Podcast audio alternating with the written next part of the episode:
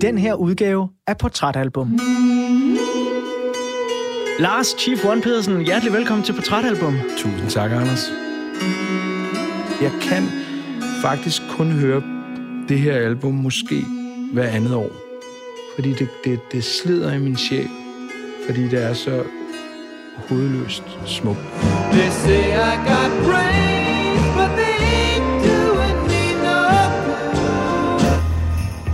Jeg tog en liste, og så skrev jeg en liste over alle de mennesker, der ikke skulle være i mit liv mere. Jeg tror, der var en 6-7 navne, og sagde, de her mennesker skal jeg fjerne mig. Det er simpelthen noget af den dårlige energi, der har sat sig i min mave og blevet til en, til en, til en knude. Det var sådan en 7 timers lang operation, hvor de bare hæv og sled, og de kæmpede, og det, det har været tæt på, at jeg ikke har været her. Men jeg vågner, og øhm, så rækker jeg så ud efter den her diskmand, og så sætter jeg Wouldn't It Be Nice på. It så er det som om, at der bliver åbnet en eller anden form for lys i min sjæl, og der er et eller andet, der fortæller mig, at det hele nok skal gå, og tårne triller ned, og jeg, ah, jeg er der næsten nu. Men den følelse af, hvad det, hvor vanvittigt det er, hvad musik kan gøre, og hvordan musik kan reparere en sjæl. Jeg kan sætte mig så meget ind i hver eneste ord og hver eneste øh, tone. Der, der, der, der er små fraseringer i, i musikken, der kan få mig til at, at, at græde af, af glæde. Det var som om, som om den plade også var en, en eye-opener til, at hvis du skal være her og fortsætte, så er der nogle ting, du skal ændre.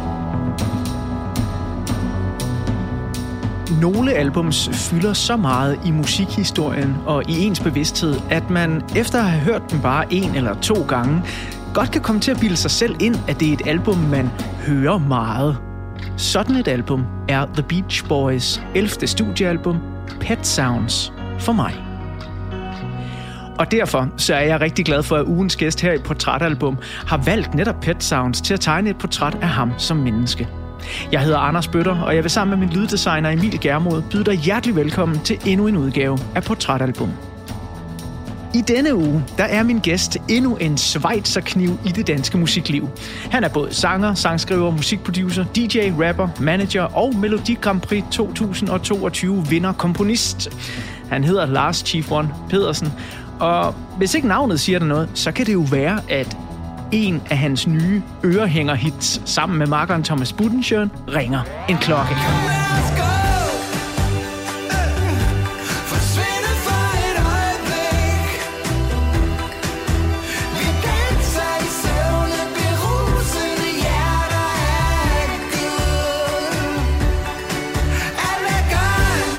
Lars Chief One Pedersen, hjertelig velkommen til Portrætalbum. Tusind tak, Anders. Er det øh, stadig god stil i 2022 at bruge øh, navnet Chief One? Mm, ja, i den grad. Så længe der er noget, der hedder det danske skattevæsen, så har jeg altid et alias der, som jeg lige kan gemme mig lidt fra. Ikke? Nej, spøj til side. Det, det, jeg ved sgu ikke, hvad fanden mine forældre tænkte dengang, at de skulle navngive mig. Uh, I hvert fald i mange, mange år var det ikke så fedt at hedde Lars, når man skulle lave noget med musikken. Så kom der en vis Ulrik, og så kom Bjørk, og så det pludselig blev de nordiske navne uh, inden, og jeg overvejede også for, et, for en kort stund. Men min gamle breakdance hip-hop kærlighed forbød mig at, at, at fjerne mig fra, fra den uh, hip-hop identitet, jeg skabte mig dengang, som er Chief One. Vi skal uh, snakke om, jeg skulle til at sige alt andet end hiphop. Det kan godt være, at vi også lige kommer ind på det, uh. men vi skal jo snakke om Pet Sounds, fordi ja. det er det album, du har valgt, når der skal tegnes et portræt af dig. Det er et album, der udkommer i 1966, og du bliver jo altså født uh, fire år senere i 1970. Og derfor så vil den opmærksomme og trofaste lytter af programmet her jo allerede nu vide, at det her det er sådan endnu en udgave af portrætalbum, hvor mennesket, vi skal tegne et portræt af, altså ikke har hørt albummet i uh, det år, det udkom. Men jeg kunne godt tænke mig at starte med alligevel lige at spole tiden tilbage til din barndom i 70'erne, Lars. Øhm, for din far, han spiller jo øh, i det her kendte poprockorkester, The Clifters.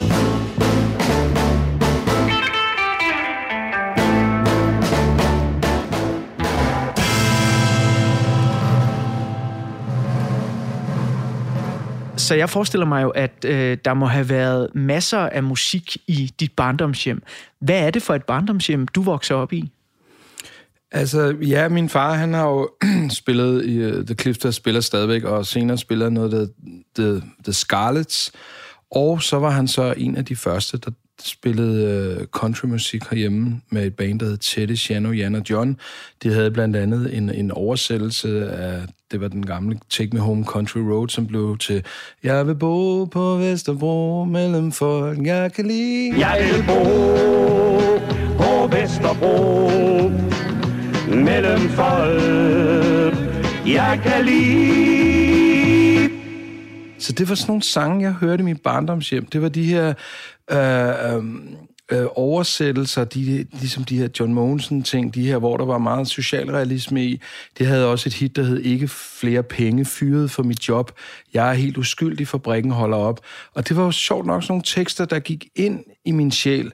Og, og jeg har lavet mig fortælle, at jeg nogle gange har stået nede i, i, i gården i Torbitorv 10, der, ved Tornby Torv, der, der, der var sådan en lille legeplads, og der har jeg stået op på sådan en lille legehustag med en tennisketcher, og højlydt øh, øh, sunget øh, ikke flere penge fyret for mit job. Jeg er helt uskyldig, fabrikken holder op. Og de her sådan, mennesker, der er boet i den her gård, og tænker, hold da op, hold da op, hvad fanden foregår der der?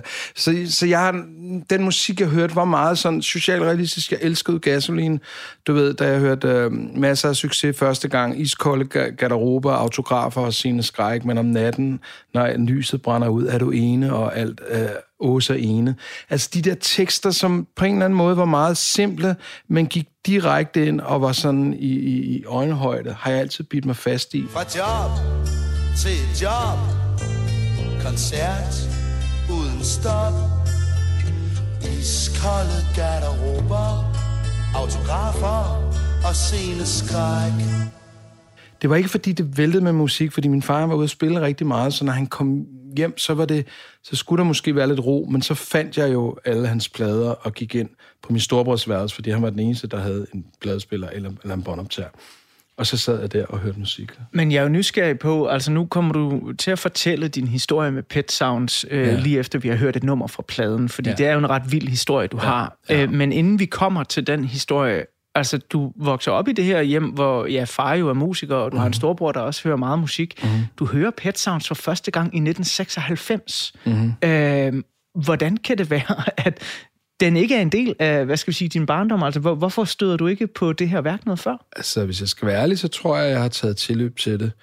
Og jeg tror, at den har ventet på mig til den præcis rigtige stund. Det, jeg tror, der har været meningen, at jeg skulle høre den hele mit liv. Uh, jeg havde det måske også på en måde, på samme måde med Bob Dylan at der, der, var, der var lang tid, hvor jeg tog tilløb til, og jeg kunne ikke forstå det, og det var bare, ja, nej, men det, det, og jeg forstod ikke, hvad fanden er det for en ged, der står over regler, ikke? Indtil jeg så så uh, den her film her, uh, um, No Direction Home, hvor det lige pludselig, det hele gik op for mig. Så jeg er nok sådan en, en langsom learner, der skal have tingene ind på den rigtige måde, på det rigtige tidspunkt. Og det må man sige skete med Pet Sounds. Whoa!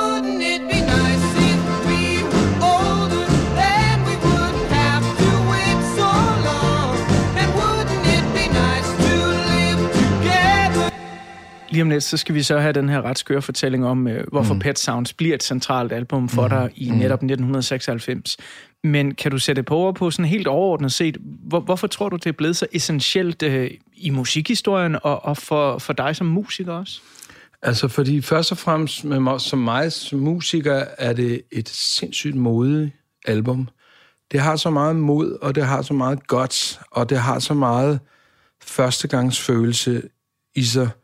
Altså, vi har en, en, en, en Brian Wilson, som på det tidspunkt vender sig mod hitformularen, som han har skabt med hele Surfing USA. De havde de der Pendle Stripes skjorter, og det hele var meget sådan clean-cut USA.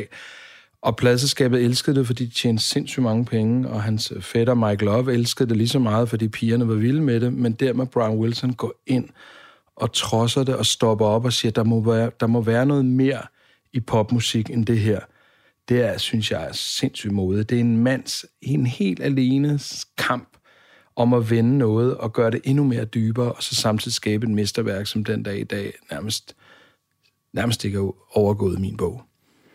Og så er der jo også det med Pet Sounds, at det har et af verdens bedste åbningsnumre. Ja. Det her, det er Wouldn't It Be Nice? Wouldn't it be nice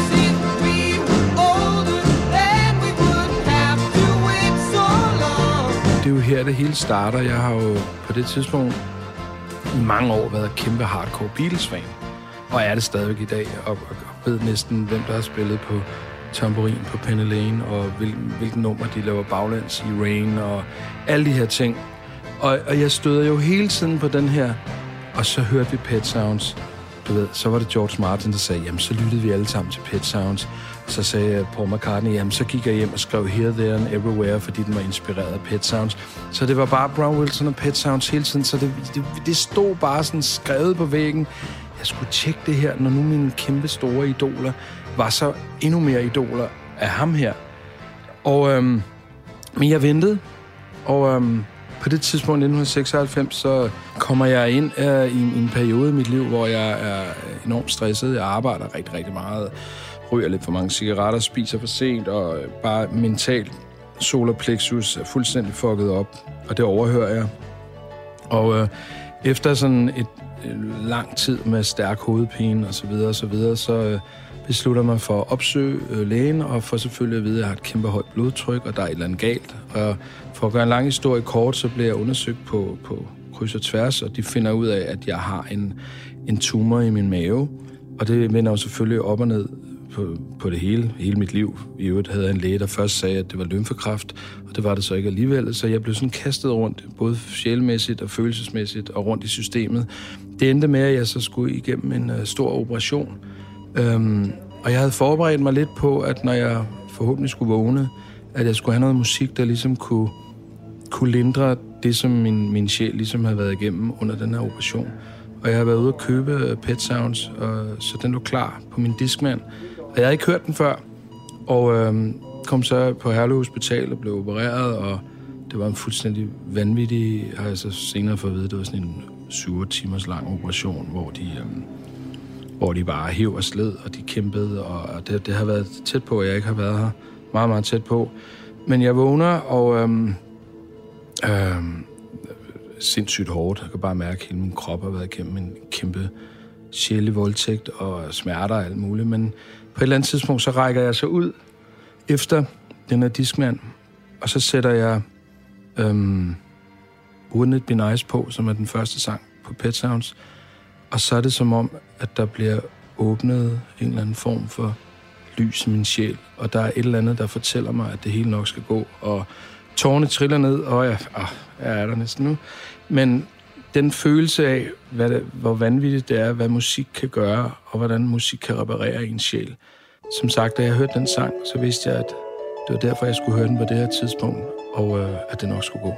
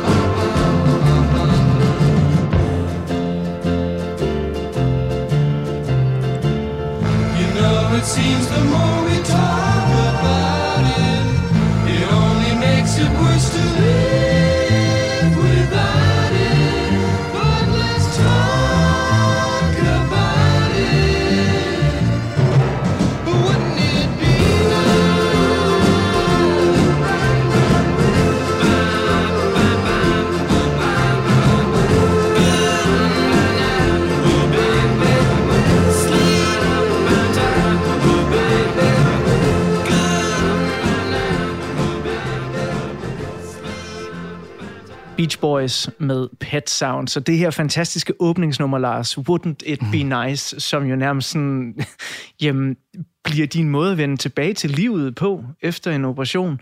Fuldstændig vanvittig åbningsnummer. Fuldstændig. Helt, altså det, det tækker ind på under tre minutter. Ja. Der er fantastiske melodier, der er glade harmonier, og så er der det, som, som virkelig udgør Pet Sounds øh, kæmpe kvalitet, melankolske tekster blandet Så op mod det her. Ikke? Så rigtigt. Det, det, det står og, og hiver og slider i hinanden. Selvfølgelig er det jo hårdt at at vågne efter sådan en operation, og man er vel også glad for at, at være i live. Men jeg er også nysgerrig på, hvilke tanker flyver der igennem hovedet, som albummet så udfolder sig for dig, der hvor du ligger og er vågnet op efter operationen? Altså, det er, jo, det er jo som om, at jo flere sange jeg hører ved det album, jo mere går det op for mig, at jeg er fuldstændig slægeligt beslægtet med Brian Wilson.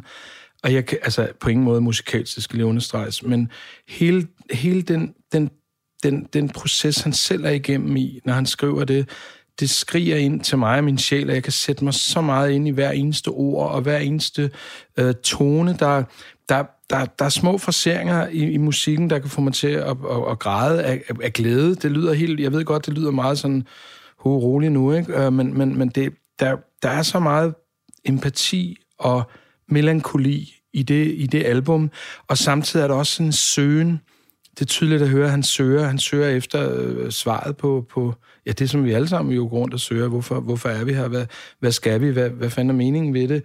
Og nogle gange så rammer han bare sådan et sådan nogle, sådan nogle nerveting, hvor det går lige, så kommer der en strygersektion. For mig er det meget sådan nogle, det er sådan nogle små perioder. Lige pludselig kommer der en harmoni midt i God Only Knows, hvor der er sådan fire øh, stemmer, der rammer hinanden og bliver til en mål-akkord.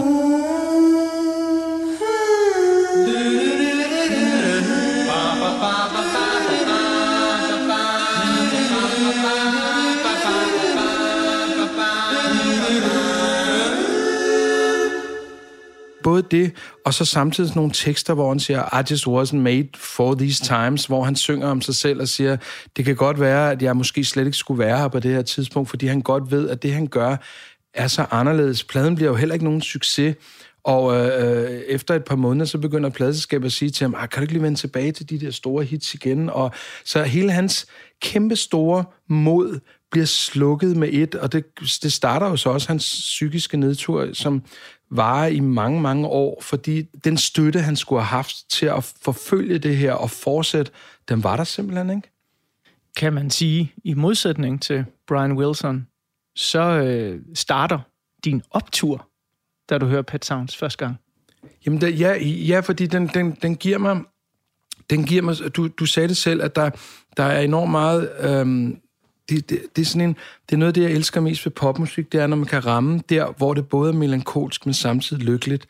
Der, hvor man kan stå og fælde en tårer, men samtidig føle sig lykkelig, det er, det er, det er en enorm svær, svær balancegang, og den synes jeg, han rammer her. Så det giver mig sådan en, det giver mig en, øh, jeg kan huske, jeg laver, og det er jo slet ikke noget med Pet Sounds at gøre, men jeg går ud lige efter og laver Rockers øh, fjerde plade, som er sådan en, nærmest sådan et, et, et musikalsk diarré for mig, fordi jeg laver 24 sange, hvor jeg indspiller det hele og skriver teksten, og fuldstændig bare, musikalsk har det intet at gøre med det, jeg gør, men, men, men det har givet mig mod til og inspiration til at komme videre. Og jeg har det lidt på samme måde med Rockers på det tidspunkt, hvor jeg også har en lidt Brian Wilson-følelse og siger, hey drenge, nu, nu, nu skal I bare være med her, fordi nu har jeg altså lige et, et udbrud af sange, og det kom lige efter, jeg var blevet udskrevet. Så gik jeg direkte i studiet og, og, og lavede det album, der hedder De, De Fem på Flugt. Som jo blev både jeres comeback-album, Ja. kan man vel næsten kalde det, og jeres sidste album. Ja.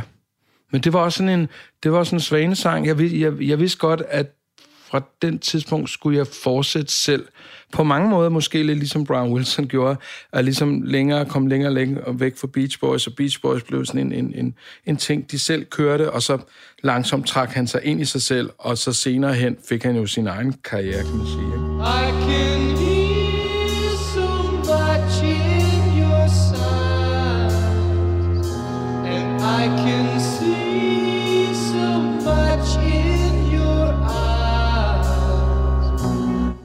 Det er jo klart, at det, det lyder til, at der er en Lars Pedersen før operationen og efter operationen.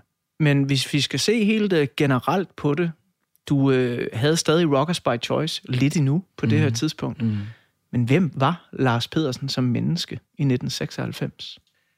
Jeg tror, han var en, der igennem en tid havde ligesom følt, at han skulle bryde ud, bryde ud af det her, sådan, den her teenage-strøm, som det nu var med Rockers by Choice, og det her med The Gang of Five, og hele den der, du ved, at nu bliver jeg nok nødt til at skulle stå alene, fordi jeg vidste, at det var ikke for evigt, fordi jeg var måske ham i det bane, der var og havde allermest lyst til musik. De andre havde almindelige job, så det var tydeligt, at det var mere en hobby, men, men det kunne jeg simpelthen ikke få mig selv til at gøre musik til en hobby. Det har det aldrig været. Det har altid været i det dybeste DNA, så jeg vidste også, at det var en brydningstid. Og som sagt, så tror jeg det der med, at jeg kunne identificere mig med, med Brian Wilson, som jo også brød lidt ud af formularen. I virkeligheden kan det godt hænge lidt sammen med Rockers, som jo også havde, du ved, et eller andet sound og de her ting, og så lige pludselig ville jeg bare lave noget andet. Det, jeg så ville på det tidspunkt, var så bare at producere. Det var jo der, hvor jeg ligesom for alvor sprang ud, og jeg kan huske, at jeg lavede Humlerideren lige efter.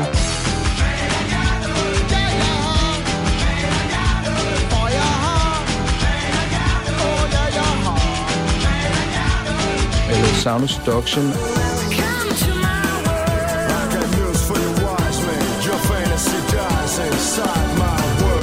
Det var faktisk der, hvor, hvor jeg begyndte at tænke, jeg var ikke modig eller stærk nok til at stå på egen ben, men jeg ville egentlig hellere være producer, a.k.a. landsholdstræner, og så sætte holdet, øh, du ved, og se de andre spille, ikke? Så det er altså The Beach Boys og albumet Pet Sounds, der inspirerer Lars Chief One Pedersen til at tage nogle radikale valg i sin karriere og stå lidt mere på egne ben. Og måske så er The Beach Boys 11. studiealbum Pet Sounds dit absolute favoritalbum, eller måske så er du en af dem, som har hørt rigtig meget om albummet, men egentlig aldrig rigtig har fået lyttet til det.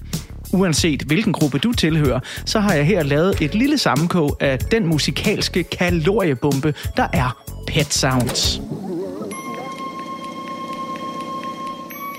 Pet Sounds deler vandene, da den udkommer. De amerikanske anmeldelser er enten meget negative eller lunkne. Men i Storbritannien, der bliver albummet faktisk lidt anderledes modtaget. Anmelderne roser Pet Sounds, og The Beach Boys får helt nye fans. Måske fordi albummet i Storbritannien promoveres med overskriften det mest progressive popalbum nogensinde. Det ses også tydeligt på salgstallene.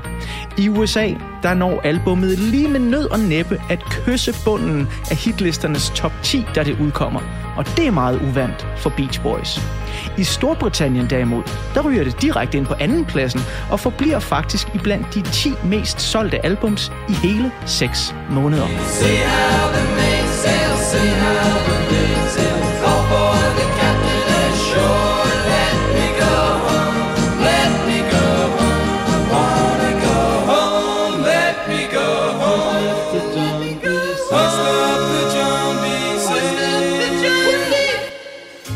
Selvom albummet selvfølgelig er udgivet som et The Beach Boys album, så er det næsten tæt på at være et soloalbum af en art.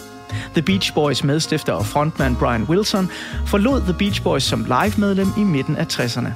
Og imens de andre bandmedlemmer stadig turnerede med koncerter, så komponerede Brian Wilson sangene, skrev teksterne og producerede det færdige Pet Sounds værk. Det endte med at blive et, for sin tid, syret popværk med elementer af både pop, jazz, klassisk og avantgarde rock.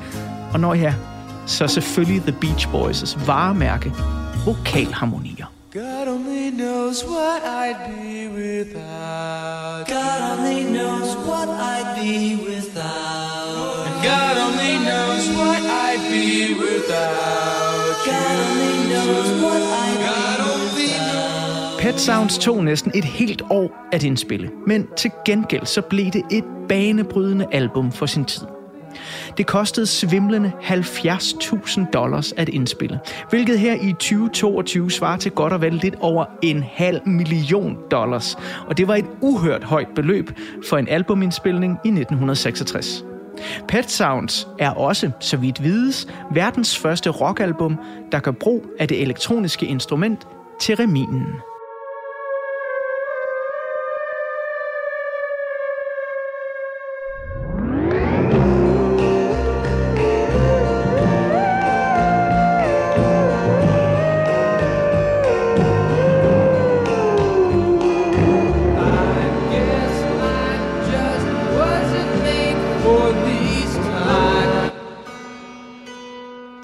Ligesom det er tilfældet på mange andre albums udgivet i midten af 1960'erne, så er Pet Sounds kraftigt inspireret af oplevelser med hallucinerende stoffer.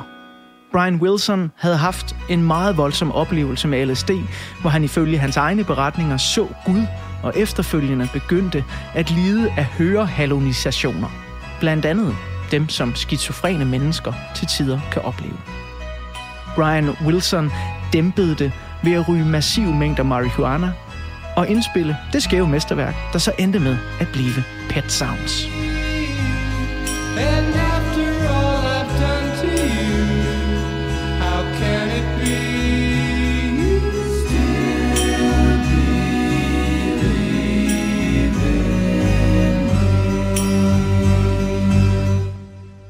Men lyden af Pet Sounds er ikke kun inspireret af Brian Wilsons krøllede hjerne og stofferne.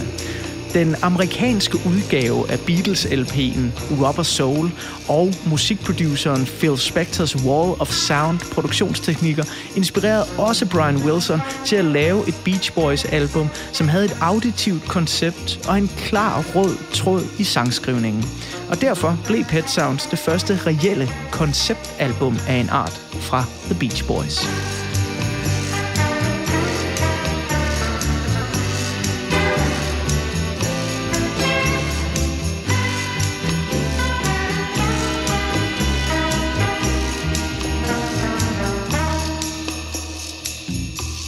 Pet Sounds er en af de grundpiller, som den moderne musikbranche og musikforståelsen hviler på.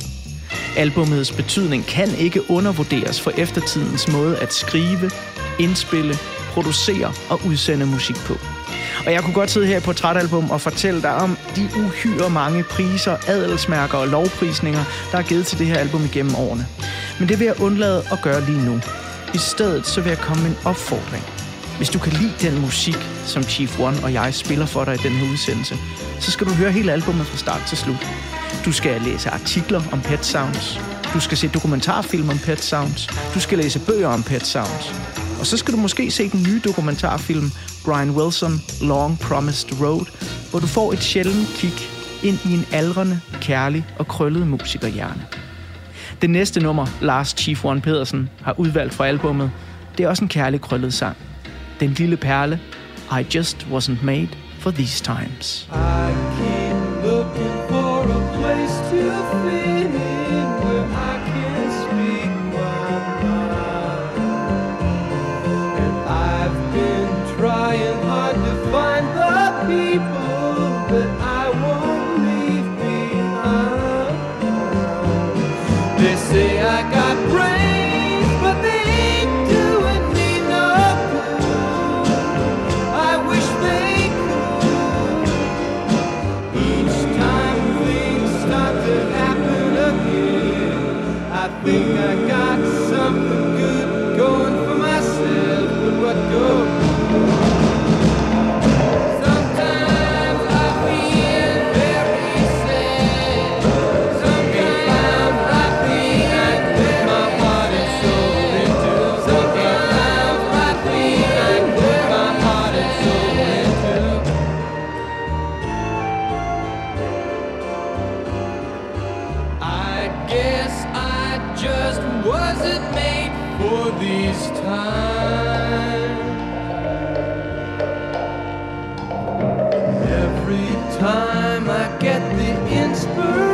inspiration to go change things around, no one wants to help me look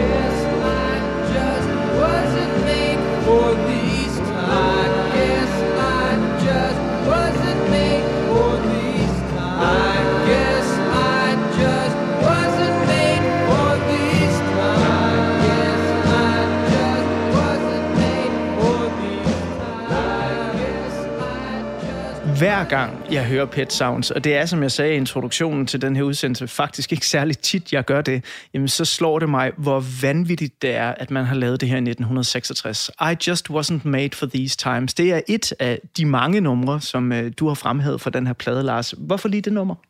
Jamen, øh, øh, dels også på grund af, altså der er, der er mange tusind milliarder ting, og vi har jo ikke, vi kan jo ikke sidde her i 14 dage og, og, og gøre det her, men, men for eksempel teksten, uh, they say I got brains, but they ain't doing me no good, I wish they would, I just wasn't made for these times. Altså, han kommer nærmest med en slags selvbiografi, som ovenikøbet kunne være skrevet 20 år efter, eller 40 år efter. Det bliver også en titel til, til en anden biografi, I Just Wasn't Made for These Times.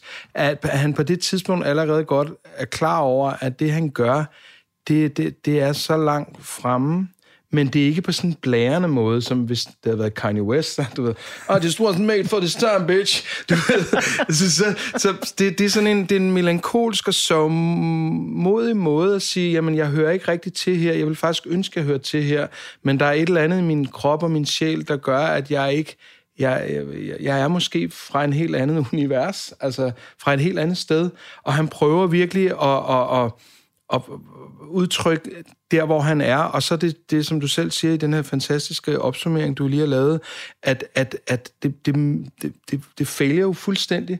Så den følelse af, at han står med det kæmpe store mod, helt alene, imod gruppen, imod pladeselskabet, imod pladebranchen, imod alle, bruger sindssygt mange penge og tager et kæmpe, kæmpe, kæmpe stort, øh, en kæmpe stor chance, og så fejler det. Det må, det, må, det må have gjort så ondt i hans sjæl, når han har også samtidig været så super perfektionistisk, og han har en fætter, der siger, ej, kom nu tilbage til formularen, don't fuck with the formula. Tænk engang at få det at vide, når du lige har lavet noget, som du selv synes er et mesterværk. Don't fuck with the formula. Og, det, og så alligevel også, som du selv, selv siger, øh, i senere hen i historien, den bare får priser, og der var, jeg ved ikke, om du så den der hyldes for BBC, Jo. hvor alle sang uh, God Only Knows, ikke? og hvor Elton John, og der var alle de der One Direction og alt muligt, hvor jeg bare, du ved, fuck, altså, det skulle de have vidst dengang. I may not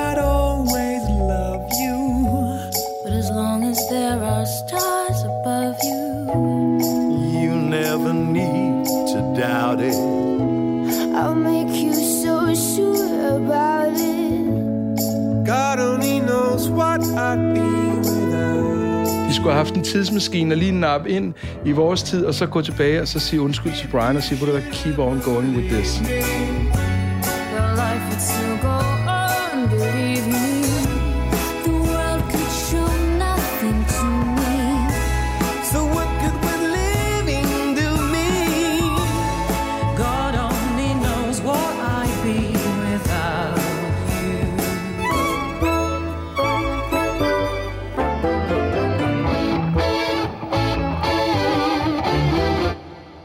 Man øh, kan jo sige meget om de amerikanske pladekøbere på det her tidspunkt, og nogen tænker måske, om det er da meget fint, og sådan lige komme op og snuse til top 10 på den amerikanske albumhitliste, men man skal jo tænke på, at, at Beach Boys har jo været altså øh, det samme som guldbar for pladeselskaber mm. på det her tidspunkt.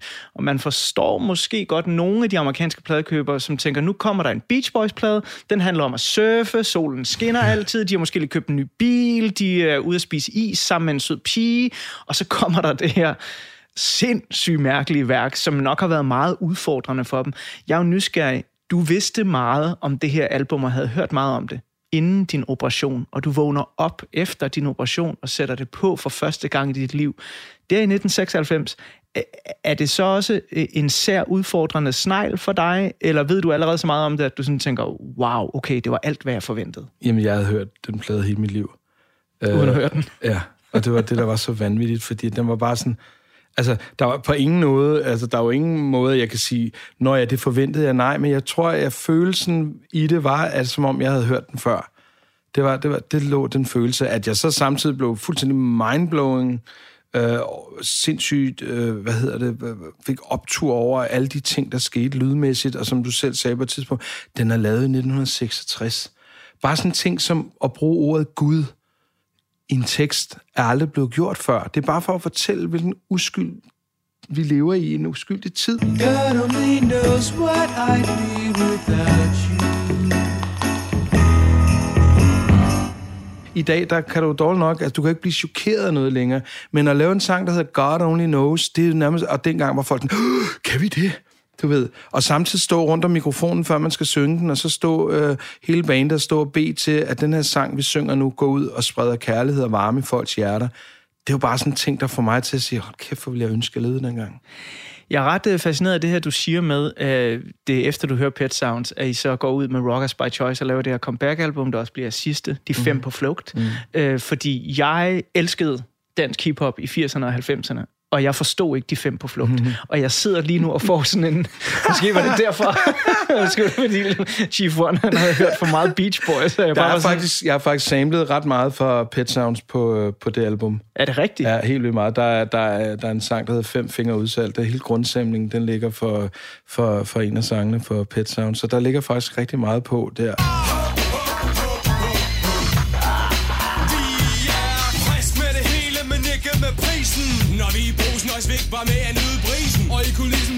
Bliver er holdt med os. Detektiver med iver giver os. Et adrenalin os. The bad guys på flugter Stikker af på grund af netto-produkter.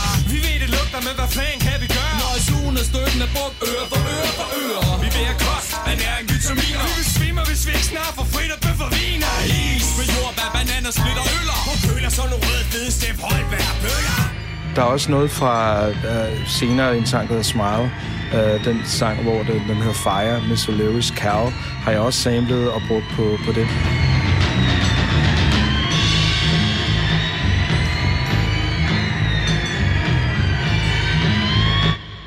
Så jeg har faktisk samlet ret meget. Håber ikke, at der er nogen af Beach Boys advokater, der sidder og lytter nu, men jeg var ung og havde brug for pengene. Nej, det er jeg så heller ikke. Nej, det var, det var i ren ære og respekt, som altid, når man samler. Samlede. Men øh, tror du, øh, tror, altså hånden på hjertet, var den danske hiphop-scene klar til det her? Fordi, Øh, nej, fordi jeg må sige, jeg, var- jeg var jo fan af en anden øh, ung mand på det tidspunkt, der hed MC Clemens. Ja, som svinede os til. det Som svinede ja, til. Ja, og jeg elskede det. Fordi det Du var, elskede det? Ja, fordi det, var, det, Okay. okay. det, det skal der være. Jeg var bange for, Øh, det gjorde ondt. Nej, det gjorde det ikke, fordi det var det, var det generationsoprør, der skal være i musik. Og der har været mange år, hvor der ikke har været nogen generationsoprør. Og da han kom og sagde det, så sagde jeg, selvfølgelig skal han sige det. Fordi jeg ved jo også godt, at det er noget, han siger, fordi det er også en ting, du ved, det er, du ved, han er en lille, en lille bulldog der, der, der, der og, og, og, han er jo fantastisk, og jeg elsker ham den dag i dag, og i dag kommer, jeg vidste jo også, at så kom der et par år, så kom jeg og sagde, hey, hey bro, det var jo kun noget, jeg sagde, du ved, for sjov, jeg har aldrig ment det, kæmpe stor respekt, så det vidste jeg, det kunne jeg jo mærke, og det er det, man skal, da vi kom frem, der gav vi, prøvede vi også at give en fuckfinger til alt, hvad der var på, på 80'er-scenen i Danmark, uden egentlig at mene det, men jeg tror, det er mere sådan, at man skal lige pisse, øh, du ved, territoriet. Vi træder ind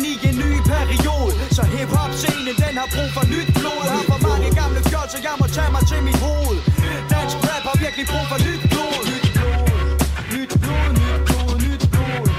Nyt blod, nyt blod, nyt blod. Hip-hop har brug for en blodtransfusion. Nyt blod, dansk hip-hop har brug for nyt lyttede til jeres lort, da jeg var lille Var en knæk, der viste jer respekt. Jeg synes, I var for vilde, men det er tidsspilde Som I kalder de fem på flugt Der er ressourcer, der er blevet misbrugt. Et dårligt produkt. Jeres plade er til skade for den danske rap-scene Et temmelig whack forsøg på comeback. Skulle jeg mene pubertetspostulater Børne rimer lette metafor Har ingen steder hjemme som en bil fra en meteor. Så I brænder ud i den dårlige atmosfære Der bevæger imellem os. Hvis ikke snart I lærer jeres tid at bese Lad mig sige det, det er lige til.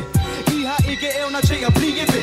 Det er sgu sejt. Og jeg synes også, både ham og Elrond, som jo også har skrevet det her, var pisse gode. De var pisse gode på det tidspunkt. Og jeg er jo, jeg er jo ikke sådan en... Øh, altså, det kommer altså selvfølgelig an på, hvem fanden det er fra, men når det er for sådan en, en dreng, som jeg i virkeligheden også øh, var dommer i årets rapper, og, og, og, sagde, og sørgede for, at han skulle vinde, fordi han var den sejeste nede i Sønderborg. Så, så det var jo en kæmpe stolthed, at du ved, her var ham, som jeg havde set som værende det store nye håb, og gav ham en finaleplads, hvor han vandt, og, og så har han så gjort det der. Så jeg, jeg, altså, jeg synes, det er sjovt, jeg synes, det er fedt. Altså, rap og hiphop er konkurrencebetonet. Øh, hele min ungdom har gået i at battle, når jeg fra jeg var breakdancer til graffiti-maler til DJ, det handlede om at battle. Det skulle man gøre. Altså, man skulle ikke blive for pænt, så jeg har fuld respekt for det der, og jeg vidste jo også bare, at det ville spørgsmål om tid, så ville han komme tilbage og give high five, så you know, it's all about love, bro. Folk kan jo godt lide at ligesom blive, nå, okay, nu kommer der en ny battle. Der var også dengang med os og Ejner, der var jo virkelig ikke rigtig noget, men medierne synes det var skide sjovt, og så kunne folk deles op, og når man kom til et eller andet gig i Esbjerg og kom ind ad døren, og så var der en, der gik hen, hey, du skal bare vide, at jeg er total Ejner. Og jeg var bare sådan, hey, hej, hvad hedder du, du ved, ikke? Altså, og sådan er det, det fortsætter Oasis, Blur, Beatles, Stone, Stones, Brøndby, FCK, altså sådan, sådan vil det jo altid være, ikke? Det kan man jo ikke, altså, det er en del af gamet. Man kan på mange måder sige, at Pet Sounds er en af de helt store amerikanske musikfortællinger, fordi albummet er så meget et produkt af den tid, det bliver lavet i. En syret tid. En tid med tvivl, opbrud, innovation, kærlighed og krig. Jeg vil nu, som jeg altid har for vane her i Portrætalbum, tage dig med tilbage til den samtid, som ugens album er udgivet i. For hvad er det egentlig for et USA, Pet Sounds lander i?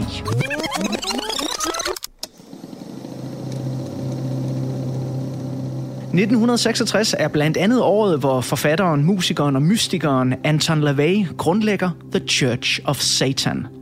Det er også sådan cirka det år, hvor musiker og kriminel kultleder Charles Manson begynder at skrive sange, og i den forbindelse lidt senere møder Dennis Wilson fra The Beach Boys, som to år senere rent faktisk indspiller Charles Mansons sangen Cease to Exist. Og når ja, så er det jo også i 1966, at gudfaderen til hippiebevægelsens fascination for hallucinerende stoffer, psykolog og forfatter Timothy Leary får optur og nedtur. Opturen er, at han danner den spirituelle organisation League for Spiritual Discovery, der forkortes LSD.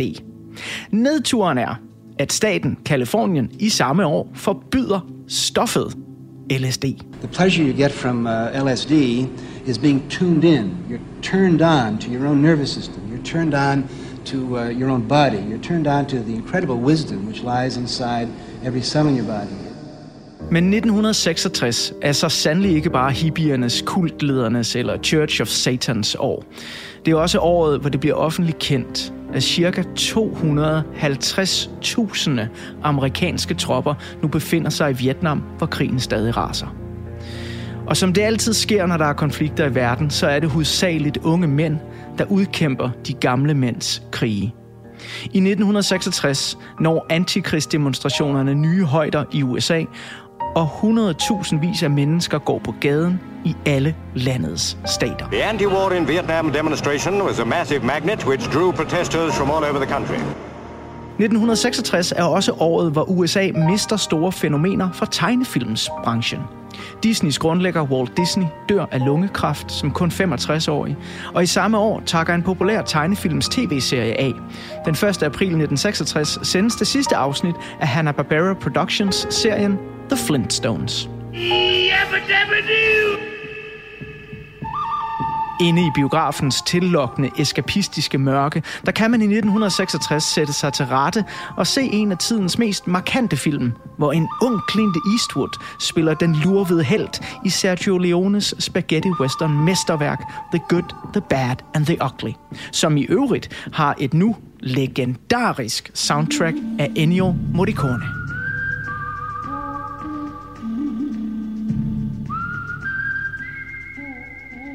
Her hjemme i den lille danske andedam er 1966 også et år fyldt med både kærlighed og krig. Kærligheden er royal, og krigen er et folketingsvalg. Det er nemlig i 1966, at prinsesse Margrethe officielt tager imod Henri de Montespas i Kastrup Lufthavn. Senere samme dag, så kan statsminister Jens Otto Krav bekræfte, at parret i nær fremtid vil forlove sig. Det er dog ikke den eneste forlovelse, Jens Otto Krav bekræfter det år. For selvom han som socialdemokratisk statsminister før Folketingsvalget 1966 havde udelukket et hvert samarbejde med partiet SF, så må han erkende valgresultatet, hvor Socialdemokratiet går tilbage og SF går frem. Jens Otto Krav bliver derfor nødt til at indgå et samarbejde med SF. Da Ekstrabladet senere spørger ham, hvordan han kunne gøre det, når han nu så skråsikkert havde garanteret, at det ikke ville komme på tale, så svarer Jens Otto Krav med de nu berømte ord. Man har et standpunkt, til man tager et nyt.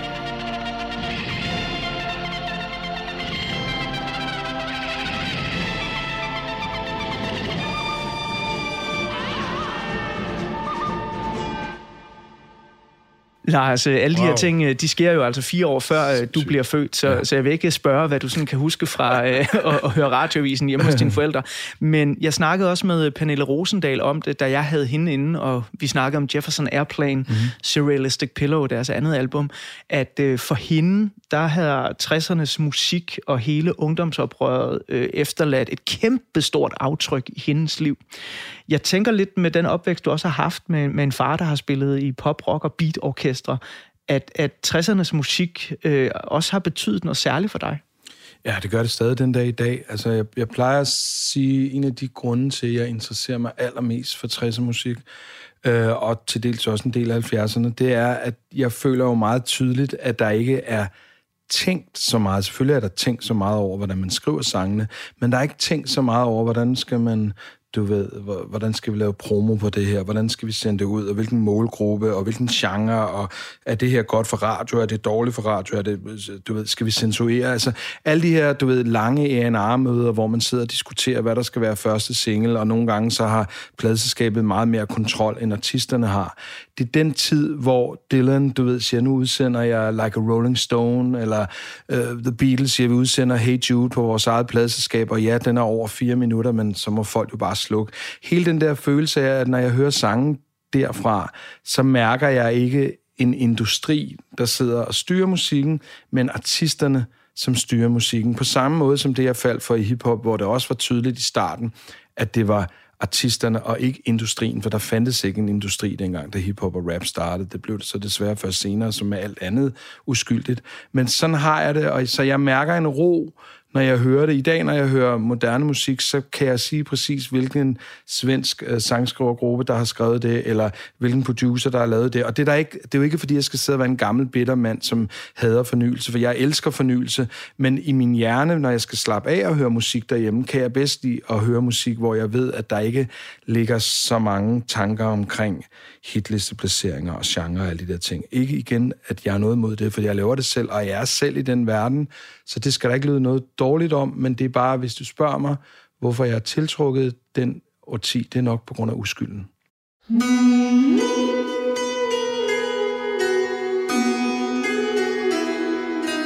I